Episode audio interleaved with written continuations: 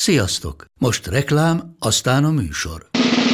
A műsor, valamint az élményekkel teli utazások, személyre szabott ajánlatok és állandó kedvezmények támogatója a Molmove hűségprogram. Nyisd meg a Molmove appot, a profilodba belépve, add meg a hihetetlen promóciós kódot, és tankolj Molevo és Evo Plus üzemanyagjainkból 15 forint per liter kedvezménnyel. Ne feledd, a hihetetlen promókóddal most még jobban megéri Molmove tagnak lenni. Vége a reklámnak, jön a műsor. December 7th. Dass ich nicht in diesem Jahr Uh, Houston, we've had a problem. Ma hajnalban a szovjet csapatok I have a dream. Sziasztok! Sziasztok! Ez a Hihetetlen Történet Podcast, én Andis vagyok. Én pedig Tündi, és itt van velünk a stúdióban Apró Bernadett, a Károli Gáspár Református Egyetem doktorandusz hallgatója. Szia, Detti! Sziasztok! Mielőtt elkezdjük a mai epizódot, egy rövid információt szeretnék veletek megosztani. Kijött az ötödik bónusz epizódunk a Patreonon, amelynek a címe a Föld alatti szökés. Ez egy izgalmas történet a berlini fal idejéből, ugyanis a berlini fal felhúzása után sokan át akartak szökni kelet-Berlinből nyugat-Berlinbe, de ez csak keveseknek sikerült, és rengetegen meghaltak a szökési kísérlet közben. Egy csapat nyugat-berlini egyetemista elhatározta, hogy alagutat ásnak a fal alatt, és azon keresztül szöktetik meg a szeretteiket. Ekközben a stázi emberei mindenhol lesben álltak, és a csapat körül is ólálkodott egy veszélyes kém. Hogyha szeretnétek meghallgatni ezt az adást, és a másik négyet, ami már korábban megjelent, akkor csatlakozzatok a Patreon közösségünkhöz a patreon.com per hihetetlen történelem oldalon. Minden hónapban egy extra bónuszadással készülünk a támogatóinknak. És nagyon szépen köszönjük mindenkinek, aki hozzájárul a csatornánk működéséhez.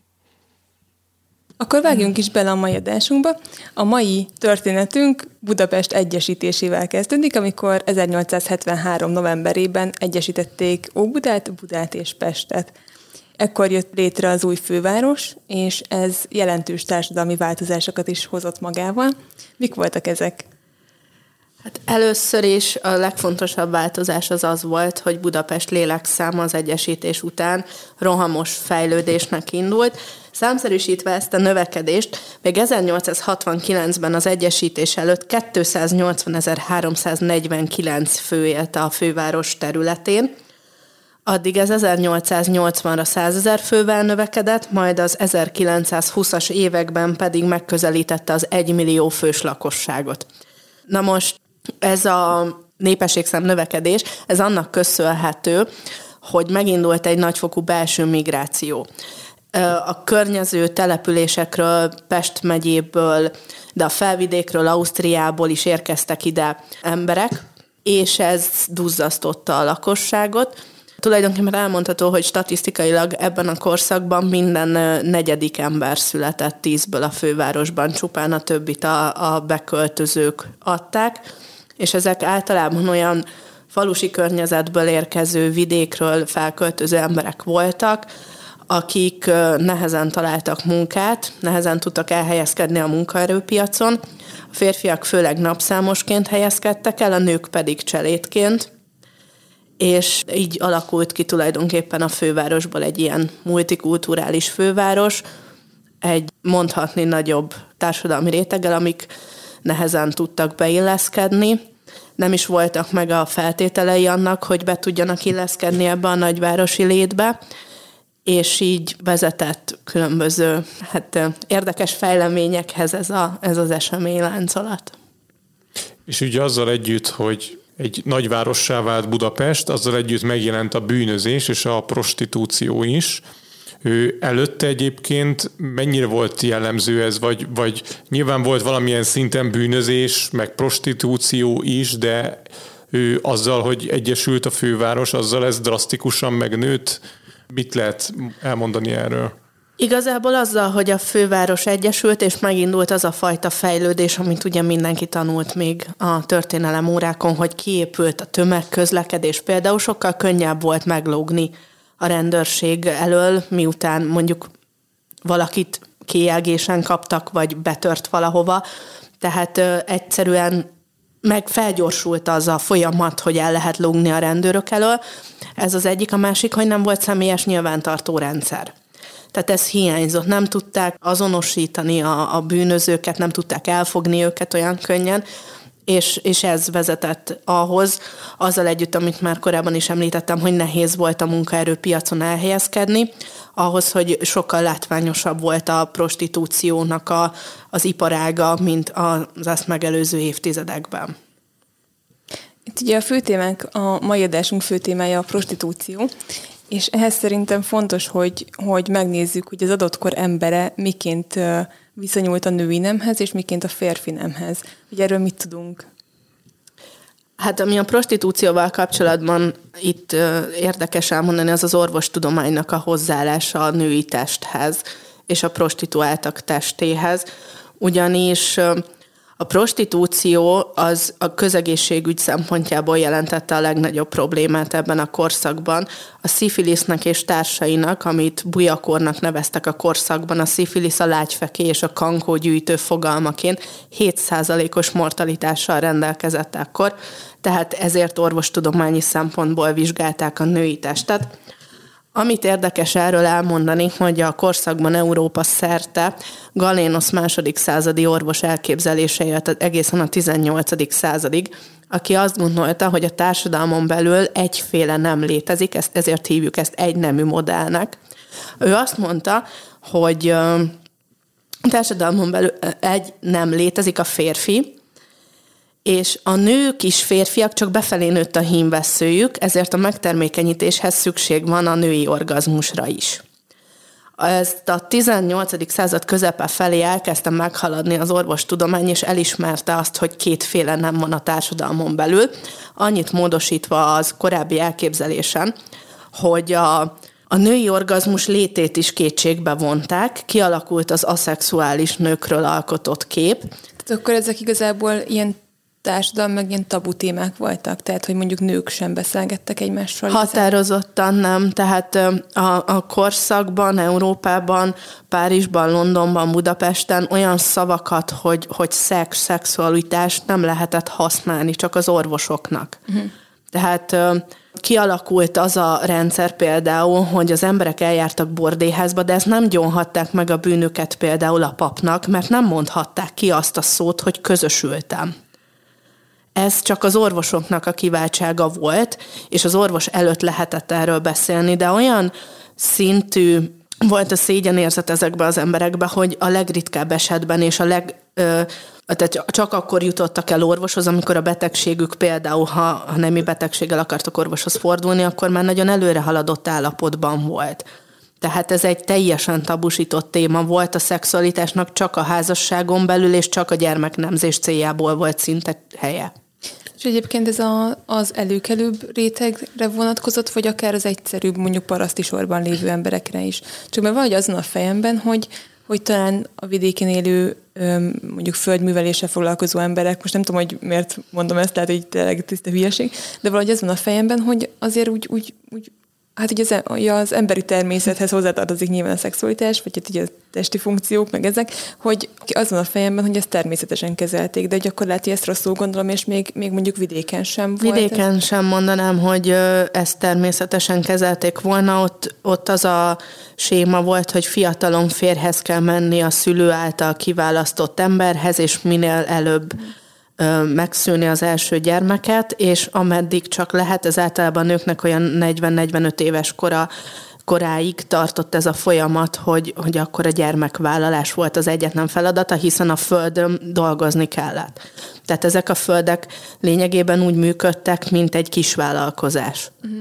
De ugye mondjuk azért így anyáról lányára szálltak ilyen információk, mondjuk akár a, a menstruációra, vagy a termékenységre, akár így a szexualitással kapcsolatban, tehát hogy, vagy, vagy még akár családon belül is tabuként kezelték a témát.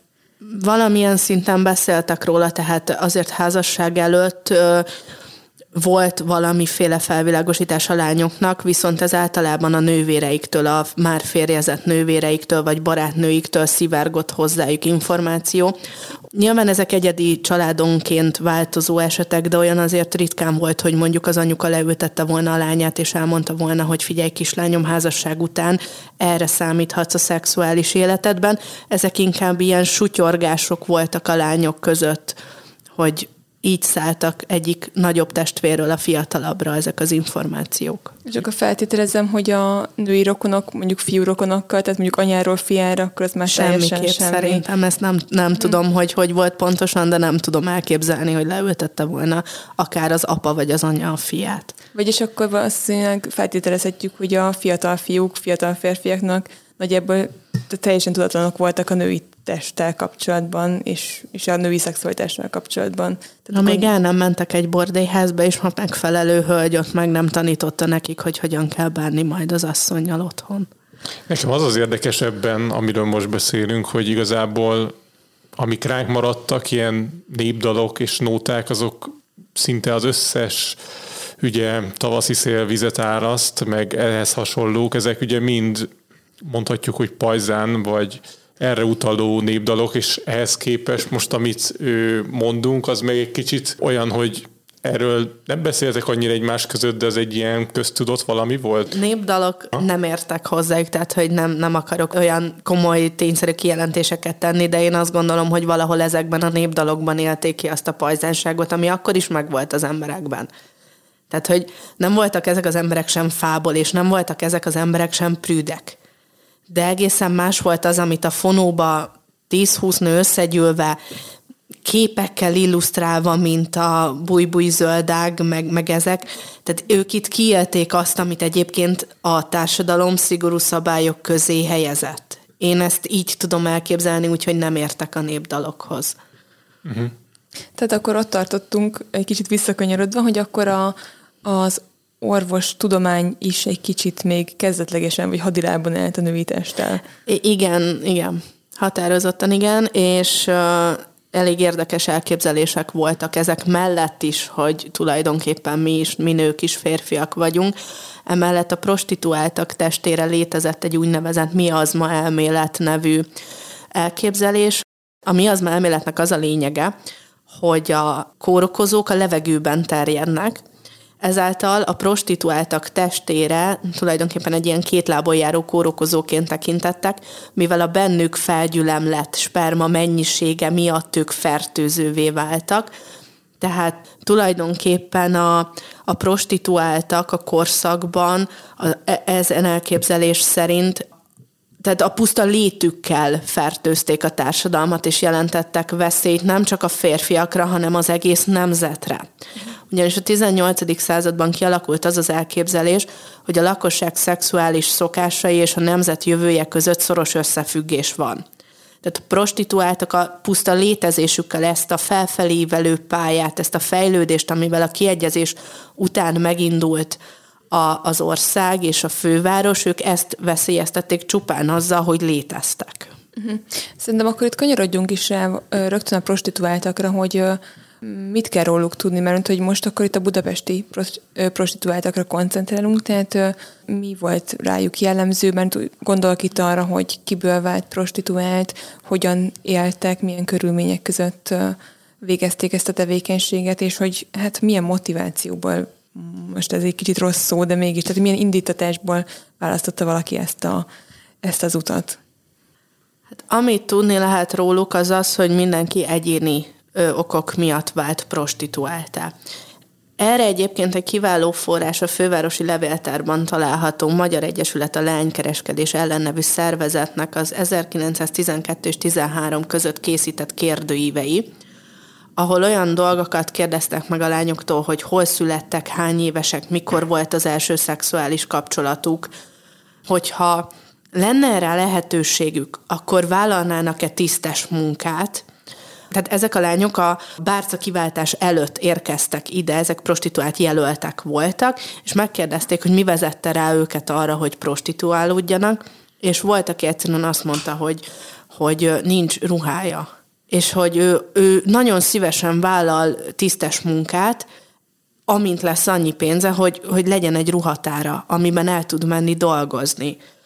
Nagyon, nagyon sok érdekesség derül ki ezekből a kérdőívekből a lányokról. Volt olyan, aki úgy lett prostituált, hogy 14 éves korában egy asszony őt eladta és prostitúcióra kényszerítette, majd benne ragadt ebbe, mert olyan adósságokat halmoztattak fel ezekkel a nőkkel, amiből egyszerűen nem, nem volt út kifelé, és ezért akarta ő kiváltani a bárcáját.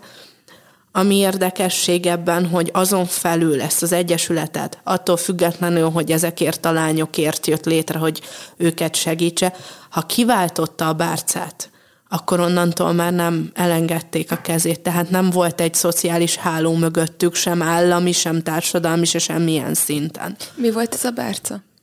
Ezt a türelmi bárcát, ezt az 1867. évi szabályrendelet határozta meg, hogy ezt kell kiváltania annak, aki prostituáltként szeretne dolgozni, így vált legálissá az ő tevékenysége, így kapcsolódott bele ebbe a reglementációs folyamatba, ami azt jelentette, hogy folyamatos rendőri és orvosi felügyelet alatt álltak ezek a nők. Tehát, hogyha jól értem, akkor még mielőtt nagyvárosnak nevezhetjük Budapestet, vagy Egyesült volna, nem is volt külön szabályozás arra, hogy milyen technikai elvárásoknak kell megfelelnie egy prostituáltnak, itt aztán arról is fogunk beszélni, hogy, hogy van, aki ezt nem úgy üzte ezt a szakmát, hogy hivatalosan bejelentve. Tehát akkor ő a nagyvárosi lét előtt ezt nem is szabályozták semmilyen formában? Nem, itt két konkrét szabályozás történt a prostitúcióra a korszakban. Ez 1867-es bordélyházak és kénők iránti szabályrendelet az egyik, a másik pedig az 1909-es székes fővárosi szabályrendelet a prostitúcióról, és az egyetlen törvény, amelyik foglalkozott a prostitúcióval, az az 1876. évi 14. számú közegészségügyi rendezésről szóló törvénycikk volt, ebben azonban egyetlen egy mondat foglalkozott konkrétan a prostitúcióval. Ez egyébként így hangzik, hogy ha a kiegési ügy, amennyiben a közegészségre vonatkozik, rendeleti úton szabályoztatik. Tehát, hogy létezett rá törvényi szabályozás, és bár a 67-es és a, a 1909-es szabályrendelet is viszonylag hosszan rendezi a prostitúciót, kielégítőnek nem lehetne mondani. Uh-huh. Azt össze tudjuk foglalni, hogy ennek a szabályozásnak pontosan milyen pontjai voltak, csak így nagy vonalakban, miknek kellett megfelelni, hogyan lehetett nyilvános házat nyitni, és ehhez hasonló. A legfontosabb pontjai ennek a 67-es szabályrendeletnek azok, azok voltak, hogy egyrészt maximalizálták a fővárosban nyitható bordélyházak számát 40 darabban. Meghatározták, hogy ezekben a bordélyházakban minimum 5 és maximum 15 kénő dolgozhat egyszerre, akiknek minden áldott nap a madam által elvégzett orvosi ellenőrzésen kötelező volt részt venniük, ezen kívül volt egy négy naponta kötelező rendőrorvosi vizsgálat is – Kötelező volt például a madam, ugye a madam is türelmi bárcát kapott, a, ez volt tulajdonképpen a bordéhez nyitási engedély. Tilos volt bordéházban például alkoholt fogyasztani, nem lehetett bordéház iskolák vagy templomok közelében, le kellett függönyözni az ablakokat, hogy ne lehessen oda belátni. Tilos volt a hangos zene, és ami még, még talán fontos kiemelni az az, hogy kötelező volt a lányoknak az óvszer használat, és ezt a madámnak kellett ellenőriznie, hogy a lányok használják-e, és megfelelően használják-e ezeket a termékeket. És arról tudunk, hogy ezt mégis, ezt hogyan kell elképzelni egy ilyen ellenőrzést? Tehát, hogy az aktus közepén bement a madám, és így megkérdezte, hogy amúgy minden rendben, vagy Erről van bármi tudomásunk? Vagy erről csak feltételezni lehet, és mindenki otthon képzelje el, hogy ez vajon hogy történt, vagy pedig a madám azt mondta a rendőrségnek, hogy én mindent leellenőriztem, és minden rendben volt. Megbízható forrást én erre még egyelőre nem találtam, hogy ez hogyan nézett ki maga ez az ellenőrzés, tehát ezt most így a hallgatók képzeletére bízom egyelőre, hogy, hogy ez valójában hogy nézett ki. Szavazzuk meg a bizalmat a madamoknak, hogy ezt ők ellenőrizték, bár vannak kétségeim. Tehát akkor igazán ezek a, ezek a törvények, ha jól értem, akkor, akkor tulajdonképpen főleg arra koncentráltak, hogy elkerüljék mondjuk a járványokat, fertőzéseket, mert hogy ez akkor ilyen, ahogy mondtad is az elején, hogy ez ilyen közegészségügyi hát, ügyként volt kezelve a prostitúció, de egyébként védte bármilyen szabályozás a lányokat, tehát akár arra, hogy mondjuk velük hogyan bánhatnak, vagy, a, vagy bármi, hogy milyen jogaik vannak, vagy um, vagy akár segítségnyújtást adott nekik bárki, hogyha mondjuk, nem tudom, érte őket egy, egy durva atrocitás?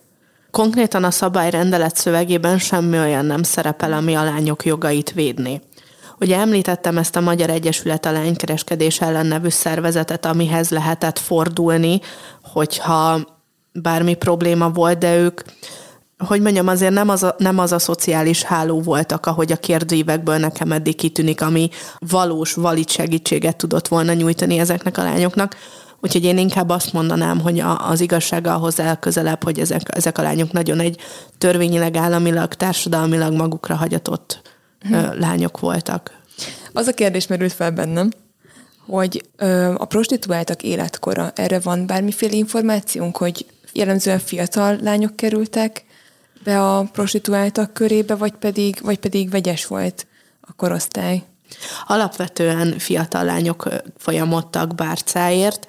Az említett egyesületnek a kérdőíveiből az átlag életkor az 17-18 év.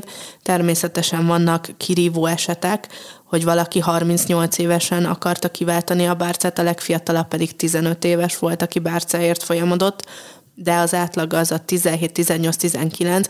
Előfordulnak a 20-as éveik elején, de ez, ez folyamatosan csökken, és akkor van ez a kiugrás, aki a 30-as éveiben mhm. akarta már kiváltani. És törvényi módon nem volt korlátozva az, hogy mennyire fiatalon mehetett valaki? De igen, 17 év volt az a, az a határ. Aha amit be kellett tölteni a 17. életkort. Aha. Jó, tehát akkor nyilván valaki feleslegesen ment ezért Igen, a az az egy számlány valószínűleg vissza lett, biztosan, tehát törvényileg vissza kellett, hogy utasítsák az ő bárca kérelmét. És hogyha itt már törvényekről beszélünk, és hogy mennyire tartották be vajon ezeket a törvényeket, Erről van-e információnk, hogy miután meghozták ezt a törvényt, utána, ahogy mondtad, 40 ő nyilvános ház volt Budapesten, ezt mennyire sikerült tartani? Arról tudunk-e valamit, hogy ez, amit említettél, hogy maximum 15-en lehetnek, és minimum 5-en egy, egy nyilvános házban ezeket tudták-e tartani, és a rendelkezés egyéb előírásait tudták-e tartani? Röviden a válaszom az, hogy egyáltalán nem. Hosszabban kifejtve ezt, meg kell említenem Tajsz Elek személyét, aki 1865 és 1885 között volt, először Pestváros, majd az Egyesített Főváros első rendőrfőkapitánya, és már a korszakban rossz emlékű tajszéraként hivatkoztak erre a 20 évre, ugyanis Tajsz Elek mondhatni egy kicsit ilyen köznapiban egy prostitúciós maffiát működtetett a feleségeivel, és a különböző régi alvilági ismerőseivel itt a fővárosban. Tehát visszatérve a kérdésre, az, hogy 40-ben maximalizálták a bordélyházak számát, az az ő korszakában, főleg az 1872-es házasságkötése utáni statisztikai adatokból az derül ki, hogy, hogy ezt egyáltalán nem tartották be. Tehát 1874-ben például 64 bordélyház működött a fővárosban, még 1876-77-ben 67 darab, ez volt a csúcs.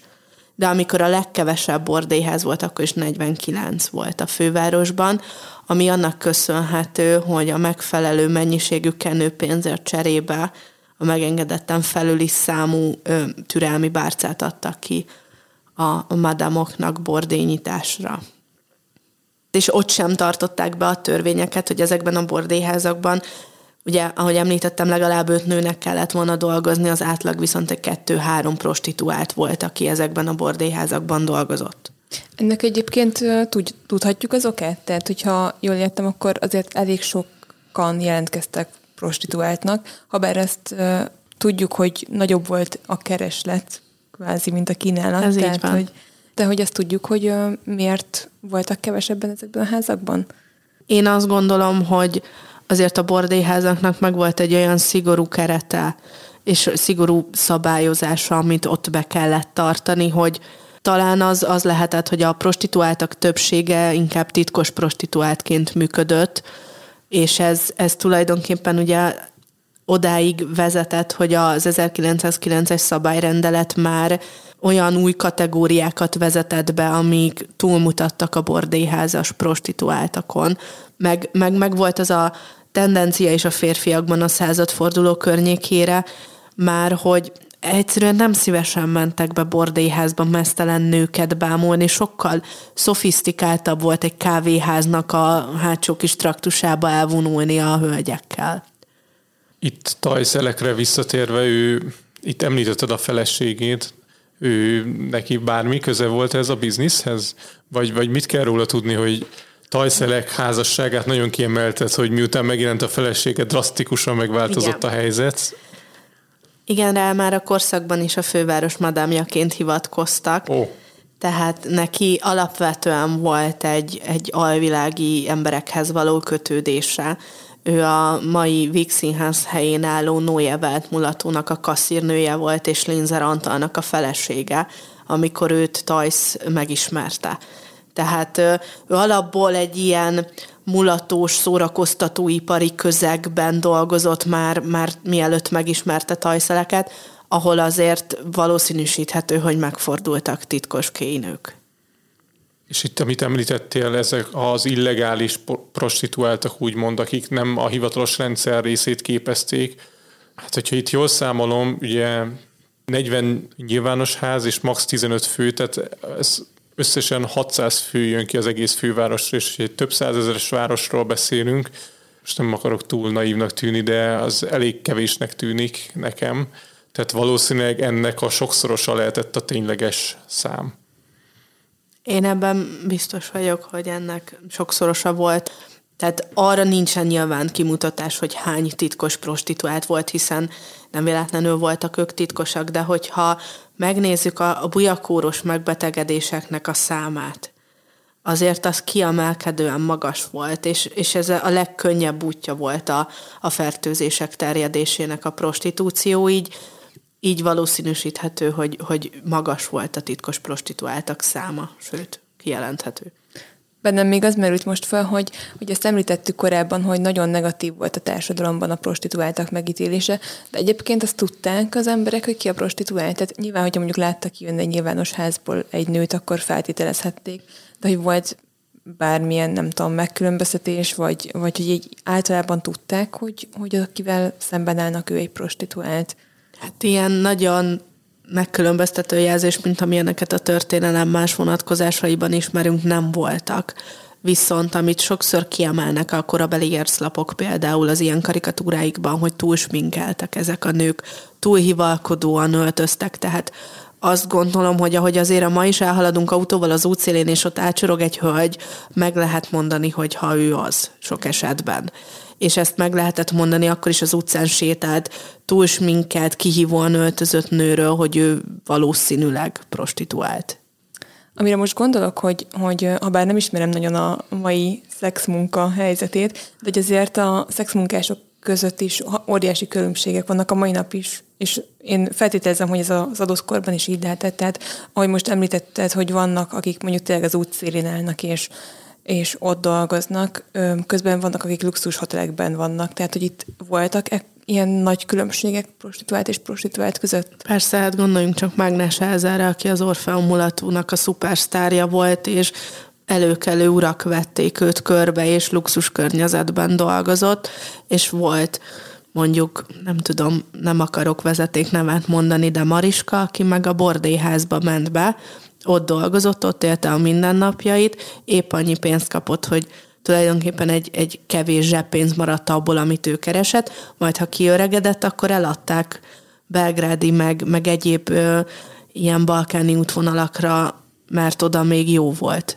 Tehát itt igazán akkor a, a valóban negatívan, akkor a szegény kiszolgáltatott réteget ítélték meg, hogyha jól értem, hiszen hogyha valaki mondjuk egy luxus molatóban volt, egy sztár prostituált, akkor ha bár mondjuk feltételezem, hogy mondjuk sokan rossz vagy ferdeszemmel néztek rá, de mégis azért a férfiak keresték a kegyét, az egy sokkal másabb pozíció, mint mondjuk egy bordélyházban kiszolgáltatottan, hát mondjuk azt, hogy dolgozni. Tehát akkor igazán ez a, a társadalmi megvetés, ez a legszegényebbeket érintette? Én eddig azt tapasztaltam, hogy nincs különbség szegény prostituált és és gazdag vagy, vagy luxus prostituált között megítélés szempontjából.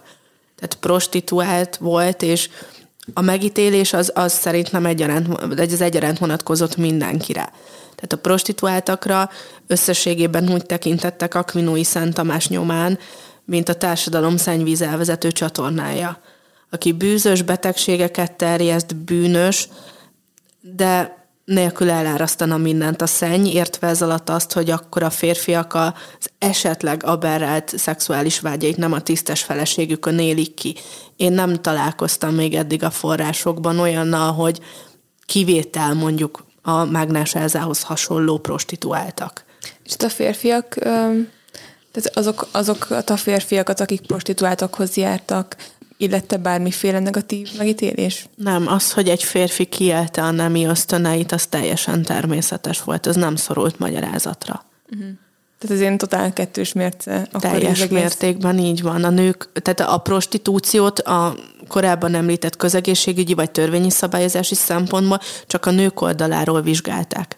Attól függetlenül, hogy a megbetegedések száma ugyanolyan magas a férfiak körében, mint a nők körében, tehát ugyanolyan terjesztői voltak a nemi betegségeknek, mint a prostituáltak, de őket, őket tulajdonképpen felmentették ez alól, hiszen ők csak a természetes vágyaikat élik ki, a nők pedig késóvárok, kéhajhászok, itt megemlíteném példaként Britta Kálmánnak az 1891-ben írt röpiratát, ő egy katolikus közíró volt, és azt gondolom, hogy ő az ő röpirata egy nagyon jó példa arra, hogy a polgári oldalról hogyan gondolkodtak a prostituáltakról. Én egy gyűjtést készítettem, hogy milyen szavakat használt ő a prostituáltakra, és miket a kuncsaftokra.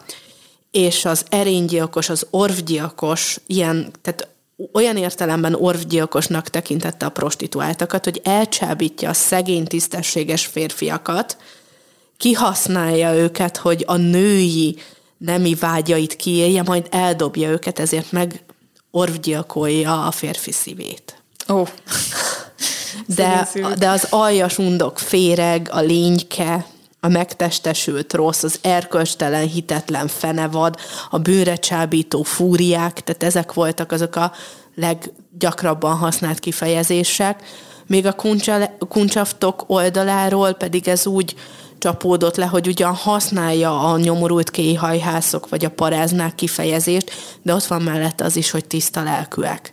Uh-huh. És a, a, ha elolvassák a röpiratot egyébként, ez, ez neten elérhető, akit érdekel, az el tudja olvasni, hogy ez úgy csapódik le a férfiak oldaláról ez, hogy hogy szegények, hát igen, hát megbotlottak, mondjuk tisztességesek, de jöttek ezek a fúriák, akik orvgyilkosként elcsábították és tönkretették őket, és ezért nyomorult kéhajhászok, de hát jó, hát na hát szegények. Tehát, hogy a férfiaknak ad egyfajta felmentést. Hmm. Egyébként um, tudunk férfi prostituáltról? Voltak férfi prostituáltak, ugyanúgy a, a Népliget környékén, ahogy manapság is mondják, nem tudom, de de igen, tehát hogy nem volt kizárólagos a női prostitúció. Nyilván kevesebben voltak valószínűleg a férfiak létszámban, de létezett. Tehát ők is kaphattak egy ilyen bárcát, akár, hogyha mondjuk nem. nem. Tehát akkor Tehát magyar... Nem, hazudok, mert a törvényi szabályozásban konkrétan az van benne, bocsánat, hogy 17 éve, 17. életévét betöltött nő. Aha, tehát akkor teljesen egyértelmű volt, hogy csak a nők a prostituáltak. Így van. Ah. Így van. Hát igen, ez amúgy a kornak a nőkről alkotott képéről szerintem nagyon sokat elmond ez az egész. A közegészségügyi statisztikai adatok alátámasztották azt, hogy a prostitúciót csak a nők felől közelítették meg, tehát itt csak így vizsgálták? A legkevésbé sem. Most teljesen random évet kiválasztva, 1872-ben 1726 darab férfi volt bujakorral fertőzött, és ugyanebben az évben 1777 nő. És ezt a statisztikát, hogyha 1881-ig az utolsó vizsgált évig nézzük, akkor kis eltérés mutatkozik a férfiak és a nők között. Tehát mondhatni, hogy majd, hogy nem ugyanannyi férfi volt bujakorral fertőzve, mint nő, úgyhogy a legkevésbé sem volt indokolt kizárólag a női oldalról vizsgálni ezt a kérdést. Egyébként a férfiak, akik mondjuk nyilvános házakat látogattak, valószínűleg a feleségüknek is átadhatták ezt Ez a így kort. van. És ez nagyon sokszor volt ennek egy olyan útja, hogy feljött vidékről a férfi egyedül mondjuk dolgozni, vagy bármi dolga volt a fővárosban, elment egy bordélyházba, hazament vidékre, átadta a feleségének, lehet, hogy a felesége sem volt éppen a leghűségesebb asszony, és egy komplett ö, falu akár végig fertőződhetett sok szempontból, vagy hogyha a férfinak volt szeretője akár otthon. Tehát, hogy hazavitte vidékre ezt a bujakort, és ez azért is volt kifejezetten problémás, mert ugye az orvosi ellátás nem volt az országban kiegyenlített. Tehát ezekben a vidéki falvakban sokszor hogy nem álltak rendelkezésre az orvosok úgy, mint mondjuk a fővárosban. És ezek az emberek gyakran kuruzslókhoz fordultak, hogy a problémáikat kezeltessék. Tehát akkor, akkor itt igazából a szifilisz volt? A bujakor, a szifilisz, a kankó és a lágyfekének az összefoglaló neve. Aha. És egyébként ezek, öm, tehát a szifiliszről tudom, hogy az például egy halálos betegség, tehát hogy ez mennyire volt, vagy mennyire jelent meg akár így a halálozásokban, erre van bármi infónk, hogy, hogy milyen kimenetülőek voltak ezek a, ezek a betegségek, vagy ezek a fertőzések. Hát ebben a korszakban egyetlen egy kundurangó nevű gyógyszer volt, amit egy kundurangó fa kérgéből készítettek. A, az orvosi ö, újságok, az orvostudományi ö, szaklapok írnak róla, valamiféle hatékonysággal, de igazából nem tudom, hogy mit tudtak ezzel kezdeni az orvosok. Tehát, hogy uh-huh. volt ez az egyfajta gyógyszer, amivel én eddig a kutatásom során találkoztam. Valami olyasmit tudok elképzelni ebben a korszakban is, ahogy mondjuk Adi vagy Munkácsi járt. Aha. Hát igen. Egyébként most ö, ö, eszembe jutott, hogy például a Mataharival kapcsolatos adásunkban volt szó a szifiliszről. Ott például egészen megdöbbentő módon higanyjal próbálták gyógyítani. Ugye, ö, Az is a századforduló. igen, igen, igen, igen. Ott például ö, Matahari férje megcsalta Mataharit tulajdonképpen, és átadta a feleségének a, ezt a kort, és aztán a gyerekei például már betegen születtek meg, és aztán, aztán a gyógymód következtében valószínűleg a gyógymód következtében halhattak meg. Úgyhogy ez, ez azért, ez, ez tényleg egy eléggé tragikus spirál, hogy így végigfertőződött az ország egy része. Ha már egyébként itt említettétek a, a vele született bujakorral született gyermekeket, ők rájuk is külön készült statisztika. Az említett 1872-es évben 209 darab csecsemő született valamiféle vele született bujakorral. És itt a legmagasabb arány az 1880-ban volt 308, de mindig megközelítőleg ilyen 200 fölötti számmal születtek gyermekek. Uh-huh. Igazából erre azért készült külön statisztika, mert a korpolitikai elitje nagyon feltette a, a jövő generáció genetikai állományát az ilyen vele született betegségektől. És a 19. századi emberben amúgy is meg volt egy hatalmas rettegés a krónikus betegségektől.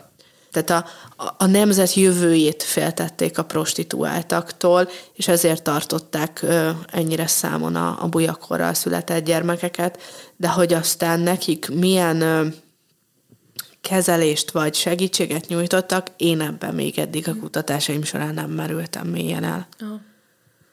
Itt bennem még egy olyan kérdés merült fel, hogy hogyha mondjuk egy prostituált megbetegedett akár, ha bár ugye elvileg használniuk kellett óvszert, akkor kaphattak bármiféle orvosi segítséget, vagy ellátást? Nem csak, hogy kaphattak, hanem kötelező volt nekik gyógykezelésen részt venni, tehát hogyha a reggeli vizsgálaton a madám vagy az orvos azt észlelte, hogy a lány beteg, akkor azonnal gyógykezelésre küldték, és ott teljesen elkülönítve őt még a, az adatait is vörös papírra írták fel, hogy elkülönüljön még a beteglapja is a többi betegétől, és, és ott kötelező volt a gyógyulásáig maradnia, addig nem dolgozhatott. Ezt is külön így rendezte a, a 67-es szabályrendelet. És a, hogyha mondjuk előfordult egy, egy teherbeesés, akkor erre vonatkozóan vannak infók, vagy... Nem nagyon találkoztam nem. én még eddig ilyen forrása, de biztos, hogy volt ilyen. Szerintem a hallgatók nagy részét biztos érdekelni az, hogy gyakorlati szempontból akkoriban ő, itt ugye volt szó fogamzásgátlásról, hogy ennek vajon milyen formái voltak, akkor is használtak-e már óvszert, ugye ezt említetted, és hogy ez mégis mennyire volt hasonló, mint a mostani, és hogyan lehetett ehhez hozzájutni? A többi hirdetés között nem eldugva szerepeltek óvszerhirdetések, egyéb más bármi termék mellett, tehát tűzifa, iskolai hegedű, ilyenek között szerepeltek óvszerhirdetések.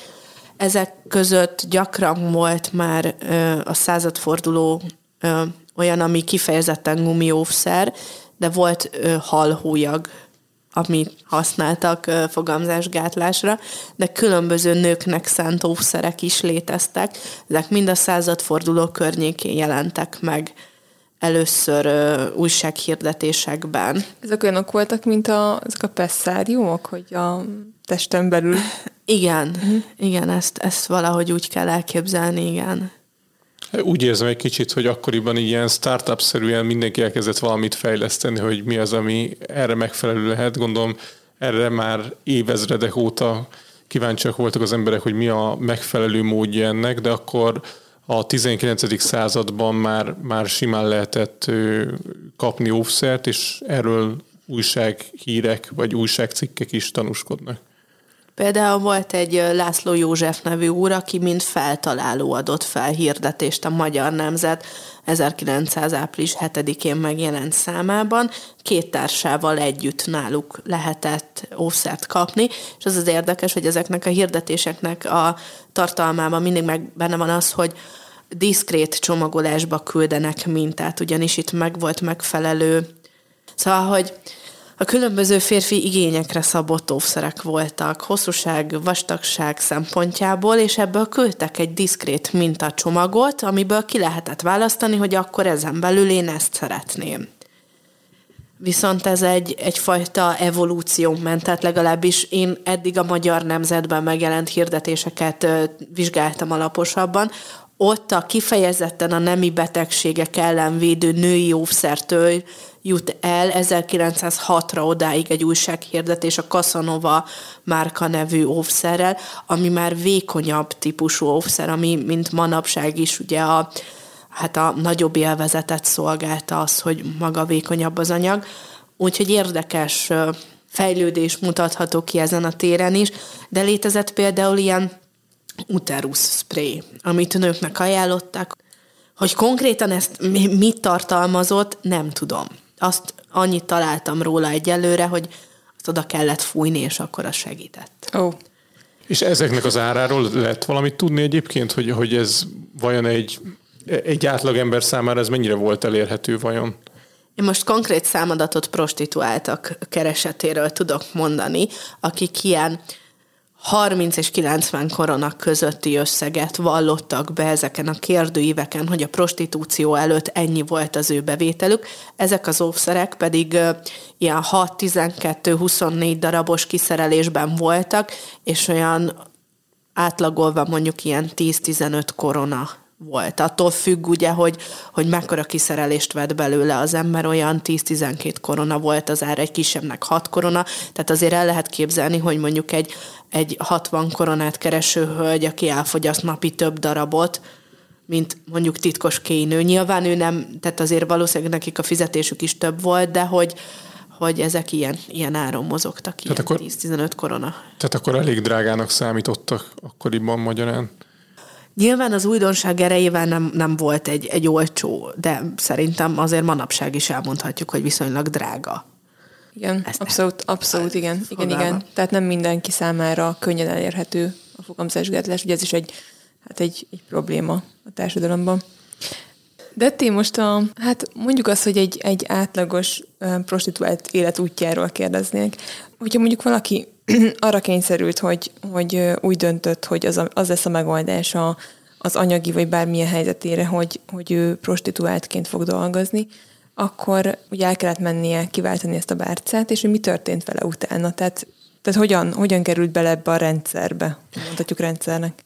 Ez úgy történt, hogy felkeresték a lányok, akik szerették volna kiváltani a türelmi bárcát, az erkölcsrendészetnek az utcai épületét, ott megvizsgálták a megvizsgált egy rendőrorvos, hogy nincs-e valamiféle betegsége, megvizsgálták, hogy nem-e büntetett előéletű, hogy valóban betöltötte a már a 17. életévét, majd megkapta a bárcáját, és utána beállt egy bordélyházba dolgozni, hogy ezt mi alapján dölt el, hogy ő most a Magyar utcai vagy a Király utcai bordélyházba dolgozik, ezt pontosan nem tudom megmondani, de ez, ez volt az életútja, hogy akkor ott elhelyezkedett, ott dolgozott x ideig, akár váltogathatta is a bordélyházakat, utána pedig volt egy olyan útja annak, hogyha kiöregedett, hogy akár belőle is madám lett, és később neki lett bordélyháza, viszont a korszakban Budapest a lánykereskedelem egyik fellegvárának számított,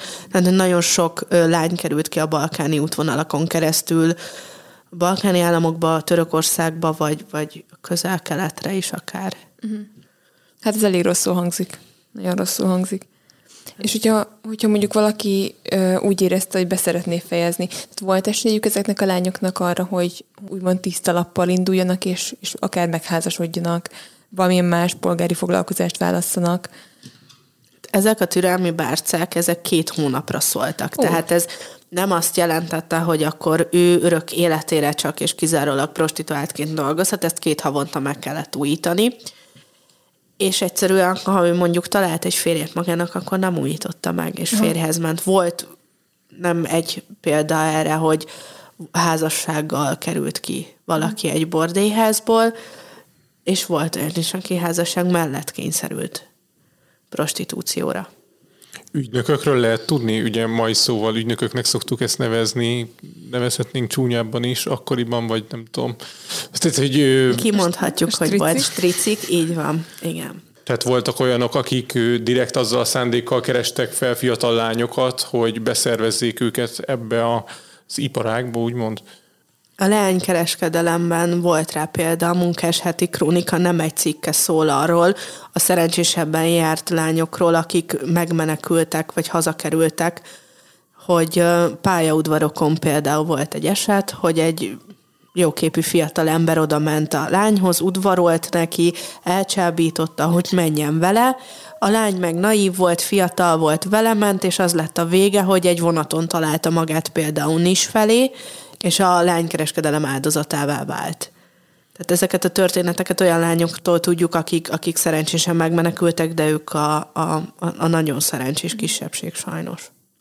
Egyébként azt tudom, hogy a, mert a több cikket olvastam egyébként, valahogy óhatatlanul is a mai helyzettel próbálom összehasonlítani azt, amiről beszélünk, és lehet, hogy egy kicsit tévesen, vagy, vagy nem feltétlen jó ez, de ugye azt tudom, hogy a, hogy a napjainkban is az egy probléma, hogy ilyen gyermekotthonokat környékeznek meg többen ilyen rossz szándékkal. Tehát, hogy nem tudom, hogy ebben a korszakban ilyen árvaházakban vagy, vagy hasonló intézmények működtek-e, a, biztos, hogy működtek. Tehát, hogy ezek a, ezek a lányok is veszélybe lehettek akár, tehát ezek a nagyon fiatal, tehát tényleg meg gyerekek. Biztos, hogy volt erre például én konkrét történetet nem tudok mm. ilyenről, hogy gyermek otthon mellől, vagy onnan vitték volna el a lányokat, de de nagyon sok, tehát az emberi kreativitás az sokszor határtalan, főleg akkor, hogyha könnyen és gyorsan sok pénzt akar az ember szerezni. Mm. Úgyhogy megtalálták ezek a kerítők a módját arra, hogy akár bordélyházakba, akár külföldre eladva prostituálják a lányokat. Egyébként számomra most nyilván ez egy, ez egy szerintem egy megosztó téma egyébként. Én valahogy a prostitúcióról mindig hát nem is tudom, én nagyon mély együttérzést érzek azokkal, akik, akik ebben a úgymond szolgáltató oldaláról részt vesznek, mert ez egy szörnyen ki, kiszolgáltatott helyzet, és és hát konkrétan társadalom még, még rúg egyet beléjük, és nem tudom, szerintem ez még a mai nap így van, hogy, hogy, hogy azokat megbélyegzik, akik így dolgoznak, vagy ezzel foglalkoznak, de, de sokszor azokat, akik ugye hozzájuk mennek, őket nem. Szóval nem tudom, és szerintem a, a közbeszéd az még mindig, mindig um, elég durva, vagy elég megbélyegző. Én azt gondolom, a témakutatójaként nekem ebből a szempontból nehéz dolgom van, mert nem lehet nem együtt érezni és megsajnálni egy 14 éves kislányt, akit egy nő elad, és prostitúcióra kényszerít, de ugye nekem történészként objektívnek kell maradnom, és, és kilépnem ebből a szerepből, és, és ez, egy, ez egy nagyon nehéz helyzet. hogy amikor tényleg ruháért, meg, meg adóságrendezésért, meg azért, hogy volt olyan prostituált ezekben a kérdőívekben, akinek volt gyermeke, hogy őt eltartsa, választotta ezt a, nevezzük úgy szakmát. Tehát, hogy nehéz nem együtt érezni velük, és nehéz nem megbotránkozni azon a különbségen, ami férfi és nő között volt. Viszont azt én minden megszólalásomnál, vagy szereplésemnél igyekszem kihangsúlyozni, hogy azért ne essünk abba a hibába, hogy a, a, a férfiakra ráhúzzuk a vizes lepedőt. Tehát az ő helyzetük sem volt a korszakban könnyű. Megvolt a nukleáris családnak az a nagyon szigorú kerete, hogy meg kellett nősülniük, viszont nagyon sok van, tehát sokan voltak, akik nem akartak egyszerűen családot alapítani. És megvolt bennük persze az a vágy, hogy éljék az életüket. Ez az egyik fele, a másik fele, hogy olyan gazdasági és demográfiai változások mentek végbe ebben a korszakban, ami sokszor nem is tette lehetővé a nősülést, hiszen ha egy nőnek mondjuk nem volt megfelelő hozománya, nem vették feleségül, a férfi nem tudott megnősülni. Az meg, hogy egy férfinak vannak nemi vágyai, egy nőnek is vannak nemi vágyai, és ez, ez mindig is így volt, és mindig is így marad. Tehát, hogy én csak azt szeretném kihangsúlyozni ebből az egészből, hogy ne tegyük az egészért kizárólag a férfiakat felelősség, mert ez egy nagyon komplex folyamatnak a végeredménye. Persze, igen, igen, igen. Itt talán valahogy az egész társadalomnak a, hát így a nemi szerepekről való gondolkodása te lehet talán felelős, mint hogy például nagyon sok problémának is még a mai napig ez a gyökere, mondjuk akár egy, egy családon belüli erőszaknak, hogy ott is vissza lehet vezetni arra, hogy mondjuk hogyan gondolkodunk nemi szerepekről, férfiakról és nőkről. Én, én erre történészként csak annyit tudnék mondani, vagy ennyit fűznék hozzá, hogy nagyon sokszor egy ilyen lineáris fejlődésnek gondoljuk a történelmet, hogy minél régebbi valami, ahhoz képest annál fejlettebbek vagyunk. És amikor az ember belemerül egy ilyen témába, és azt látja, hogy nagyon sok szempontból ugyanott tartunk, mint ma, akkor, akkor azért erősen megdől annak az elmélete, hogy a történelem egy lineáris fejlődés, mm. és száz év múlva sokkal előrébb fogunk tartani, mint ahol száz éve tartottunk, vagy ma. Mm. Hát ez, ez szerintem a legkevésbé sincs így sok esetben. De ti nagyon szépen köszönjük, hogy itt voltál. Nagyon-nagyon érdekes volt ez a beszélgetés, úgyhogy reméljük, hogy a hallgatóknak is tetszett, és ők is érdekesnek találják, és sok sikert kívánunk a további kutatásaidhoz. Köszönöm szépen a jó kívánságokat és a meghívást is. Nagyon élveztem, hogy itt lehettem. Köszönöm még egyszer. Köszönjük. Tőletek pedig, kedves hallgatók, búcsúzunk szintén. Vigyázzatok magatokra, és találkozunk legközelebb. Sziasztok! Sziasztok! A forrásokat megtalálhatjátok a leírásban, vagy a hihetetlen történelem.simplecast.com-on, Kövessétek a Facebook oldalunkat is, a Hihetetlen Történelem Podcast Facebook oldalt, ahol három naponta jelentkezünk érdekes villámtörükkel. Örömmel fogadunk e-maileket is a hihetetlen gmail.com e-mail címen, hogyha esetleg kérdésetek, észrevételetek lenne az adással kapcsolatban. A podcastet megtaláljátok az Apple Podcast adatbázisában, Spotify-on, Google Podcasten és még sok más helyen is. Hallgassatok minket máskor is. Sziasztok! Sziasztok! Ha más podcastekre is kíváncsi vagy, hallgassd meg a Béton műsor ajánlóját. El tudod képzelni, hogy a podcastet, amit éppen most hallgattál, fél év múlva már a mesterséges intelligencia generálja? Mi sem. De ha érdekel, eljötte már a gépek lázadása. Hallgass bele az Embertelen podcastbe. Orsós Lajos vagyok, a műsor házigazdája. Egyelőre még élőben. Egyelőre. Fedezzük fel együtt, hogyan ismerkedik, randizik, mesél és vitatkozik Betty és Péter, két teljesen mesterséges intelligencia. Lajos, a podcast címét mond még egyszer, Léci. Oké. Okay. Embertelen podcast. Ez a műsor a Béton közösség tagja.